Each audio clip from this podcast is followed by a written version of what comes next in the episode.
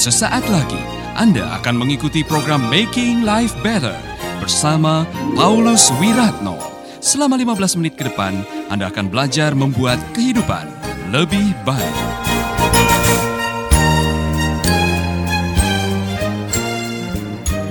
Siapa yang takut nanti anak-anak saya bagaimana? Yang sudah menikah dan punya anak.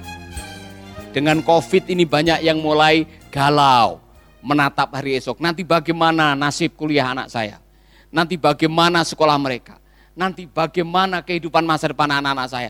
Nanti bagaimana eh, masa depan keluarga saya? Saudara-saudara, kalau hari ini engkau masih bisa menghirup napas dan menyaksikan sinar matahari, Artinya masih ada kasih karunia Tuhan, ada penyertaan Tuhan buat saudara. Kalau hari ini saudara masih bisa makan walaupun sehari sekali, bersyukurlah. Artinya apa? Tuhan masih bisa pelihara saudara. Amin. Saudara tahu kalau burung pipit di, dijual dengan dua satu duit artinya kalau saudara beli burung pipit waktu itu, beli dua dapat satu bonus. Burung itu tidak ada harganya, itu maksudnya. Kalau yang tidak ada harganya saja dipelihara oleh Allah. Apalagi saudara dan saya yang dibayar dengan harga mahal dengan mengorbankan putranya yang tunggal di kayu salib dengan mahal harganya. Tuhan pasti akan pelihara saudara. Amin. Jangan pernah melecehkan Tuhan, katakan kepada teman saudara.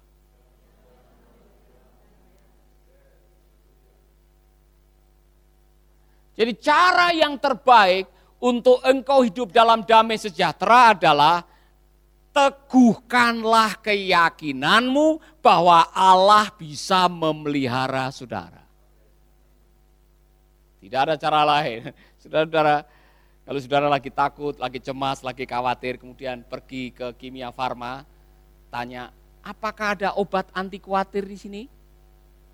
Atau jamu anti takut? Tidak ada. Saudara mau cari ke seluruh ujung bumi sampai ke neraka sana tidak ada.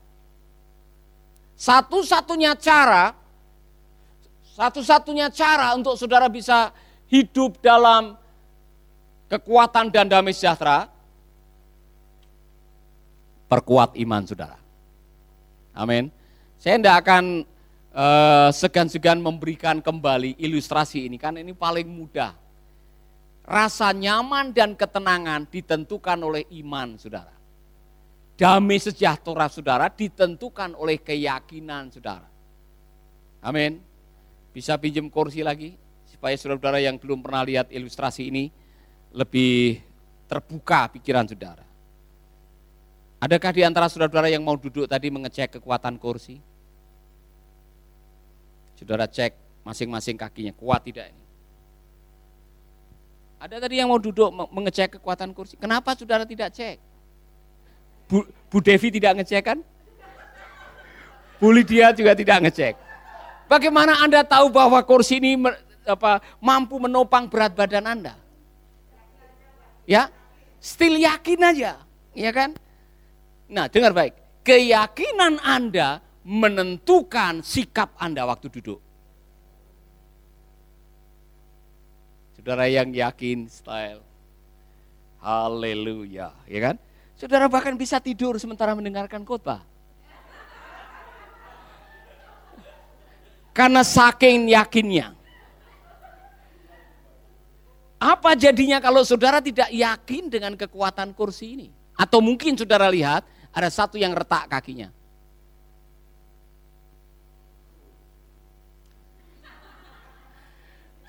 setengah duduk, setengah berdiri. Karena takut. Kalau saudara melakukan ini setengah jam saja, fisik saudara akan mengalami kesulitan. Orang Jawa bilang boyoe kemeng. Pinggang saudara rasa sakit. Bayangkan kalau itu saudara bawa sikap seperti ini berminggu-minggu, berbulan-bulan, bertahun-tahun. Ini sudah 18 bulan ini COVID ini. Kalau saudara terus membawa khawatir, jangan kaget kalau tiba-tiba saudara sakit. Ada orang-orang yang imun sistemnya turun sehingga terkena COVID bukan karena virus, tapi karena imun sistem saudara turun gara-gara saudara takut duluan. Cemas duluan, khawatir duluan. Maka saudara-saudara kuatkanlah imanmu. Kalimat yang diucapkan oleh Tuhan Yesus. Mengapa kamu takut? Di manakah imanmu? Jangan sombong, saudara menyebut dirimu, oh saya orang beriman. Tinggal di mana? Kauman. Apa itu kaumnya orang beriman? Tetapi sudah sudah sedikit-sedikit, aduh nanti bagaimana ya? Aduh nanti bagaimana? Oh bagaimana tuh? Oh Tuhan tolong, Tuhan tolong. Oh, saudara pernah ketemu dengan orang yang gampang cemas, gampang khawatir, gampang takut. Dari raut mukanya kelihatan. Orang yang takut dan khawatir sulit bersuka cita.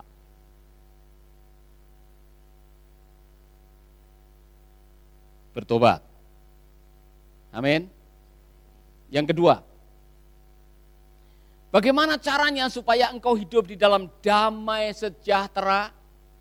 Saudara-saudara, ikutilah nasihat Rasul Paulus. Di dalam kitab Filipi Rasul Paulus mengatakan, jadi saudara-saudara, semua yang baik, semua yang murni, semua yang suci, semua yang disebut dengan kebajikan, pikirkanlah itu maka damai sejahtera yang melampaui segala akal akan memerintah hidupmu. Jadi cara kedua supaya engkau bisa hidup di dalam pikiran damai sejahtera, filterlah apa yang Anda pikirkan. Jangan semua dimasukkan dalam pikiran. Kalau jelas-jelas itu hoak, berita yang tidak benar, gosip, berita bohong. Tidak usah dimasukkan di dalam pikiran saudara. Ya kan, saudara baca, sebentar lagi matahari akan hilang sinarnya. Akan ada itu di internet dan sebagainya, jalan tikus. Kalau saudara aduh bagaimana kalau matahari sebentar lagi akan redup. Ya, kita dapat matahari dari mana? Oh Amerika mau menciptakan matahari. Saudara-saudara, jangan memasukkan berita-berita yang belum jelas juntrungannya. Kemudian saudara masukkan dalam pikiran yang membuat Anda akhirnya resah dan gelisah. Dan akhirnya saudara tidak bisa tidur. Amin. Anda masih bersama Paulus Wiratno di Making Life Better.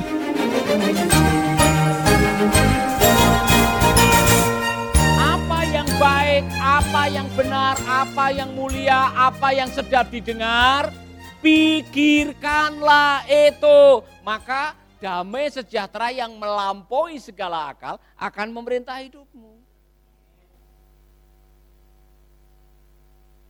Apa yang sedap didengar, ini contoh. Kalau saudara mendengar gosip kanan kiri, tetangga muka belakang, sebelah kanan kiri, menggosipkan sesuatu Jangan cepat percaya. Apalagi kalau gosip itu mengganggu damai sejahtera saudara. Amin. Kalau ada berita bohong, saudara-saudara, semua harus difilter. Apalagi kalau itu sesuatu yang tidak benar. Sesuatu yang tidak mulia. Sesuatu yang tidak memuliakan nama Tuhan. Sesuatu yang mengotori pikiran. Jangan pikirkan itu. Siapa yang paling bertanggung jawab untuk memfilter apa yang masuk di pikiran? Anda. Maka orang yang paling bertanggung jawab atas kebahagiaan hidup saudara adalah Anda. Jangan sampai saudara satu kali datang ke saya, Pak Paulus. Gara-gara saya ada di sini ini saya tidak bahagia, Pak. Saya kerja di tempat Bapak, saya tidak bahagia. Saya sekolah di tempat Bapak, saya tidak bahagia. Bapak ini bagaimana? Saya ini maksudnya saya datang ke sini supaya saya bahagia. Malah gara-gara saya mendengar khotbah Bapak, saya juga tidak bahagia. Ya terserah saudara-saudara. Saya tidak bisa membahagiakan semua orang. Membahagiakan diri sendiri aja kadang-kadang susah. Jadi jangan suka nuntut orang lain atau ngeblame orang lain, menyalahkan orang lain gara-gara Anda tidak bahagia. Kebahagiaan Anda tergantung dari pikiran Anda. Kebahagiaan adalah pilihan pikiran. Amin. Haleluya. Jadi kalau saudara tidak bahagia jangan salahkan setan. Iblis, demit, semuanya. Kadang-kadang Saya tidak bahagia ini gara-gara iblis dan sebagainya. Anda ada hubungannya dengan saudara-saudara. Ya kan? Bahagia tidak bahagia itu pilihan saudara. Kalau Anda memilih tiap hari untuk berpikir yang baik. Ya kan? Berpikir positif. Yang lain-lain negatif, saudara positif. Aduh nanti bagaimana nih kalau begini? Aduh nanti makan boleh begini. Aduh nanti saudara-saudara usahakan jangan dengar apa kata mereka. Usahakan dengar apa kata firman Tuhan. Amin. Yang ketiga, jangan hidup di atas penglihatan dan perasaan. Hiduplah di atas kebenaran firman. Saudara pasti akan bahagia. Hatimu pasti akan tenang, engkau akan hidup dalam damai sejahtera, dan engkau akan menjadi orang yang ke mana-mana membawa sukacita. Rasul Paulus mengatakan, aku tidak hidup di atas penglihatan, tapi orang beriman atau orang benar hidup di atas kebenaran firman. Orang benar tidak hidup di atas penglihatan, tapi di atas kebenaran firman. Amin. Saya berkali-kali mengatakan, kalau saudara hidup di atas penglihatan dan perasaan, melihat air sudah mulai masuk dalam perahu, mereka lupa bahwa di dalam perahu ada Yesus. Dan mereka baru menyaksikan sebelumnya Yesus bisa melakukan keajaiban-keajaiban. Ketika Anda berfokus kepada apa yang dilihat dan apa yang dirasa, Anda bisa lupa dengan keyakinan Anda sendiri. Waspadalah. Jadi saudara-saudara, dalam hidup ini isilah pikiranmu dengan kebenaran-kebenaran firman yang akan menolongmu membuat keputusan di saat-saat engkau diperhadapkan dengan persoalan. Belajar dari Pak Ayub. Tujuh ribu kambingnya disambar petir. Tiga ribu ontanya dijarah orang. Seribu lembunya dirampok. Sepuluh anaknya mati kerobohan rumah. Dia sendiri menderita penyakit lepra ganas. Dalam situasi seperti itu, dia tidak mengajukan pertanyaan-pertanyaan, mengapa saya yang mengalami ini? Bukankah saya orang yang benar, takut akan Tuhan menjauhi kejahatan? Dia tidak protes. Dia mengucapkan kebenaran. Aku lahir dengan telanjang. Aku kembali dengan telanjang. Benar atau tidak? Siapa yang lahir bawa mobil? Siapa yang lahir pegang sertifikat tanah? Siapa yang lahir gigit ATM? Kita lahir dengan telanjang. Dan kita kembali juga dengan telanjang, benar atau tidak? Kalau tidak percaya nanti lihat waktu saudara mati sendiri. Apa yang Anda miliki tidak akan Anda bawa. Bahkan Anda tidak bisa nengok milik saudara. Waktu mati itu saudara tidak bisa nengok. Saudara mungkin ditaruh di ruangan yang paling mewah dengan AC dan tempat tidur terbuat dari emas. Anda tidak bisa lihat. Anda tidak bisa rasa. Kamu lahir dengan telanjang, kamu kembali dengan telanjang. Tuhan yang memberi, Tuhan yang mengambil. Kalau bukan Anda yang meninggalkan hartamu duluan, hartamu yang akan meninggalkan Anda duluan. Terus mau apa? Terpujilah nama Tuhan. Jadi jangan sombong. Hadapi semua kenyataan dengan kebenaran. Maka saudara akan hidup dalam ketenangan. Sahabat, Anda baru saja mendengarkan Making Life Better bersama Paulus Wiratno.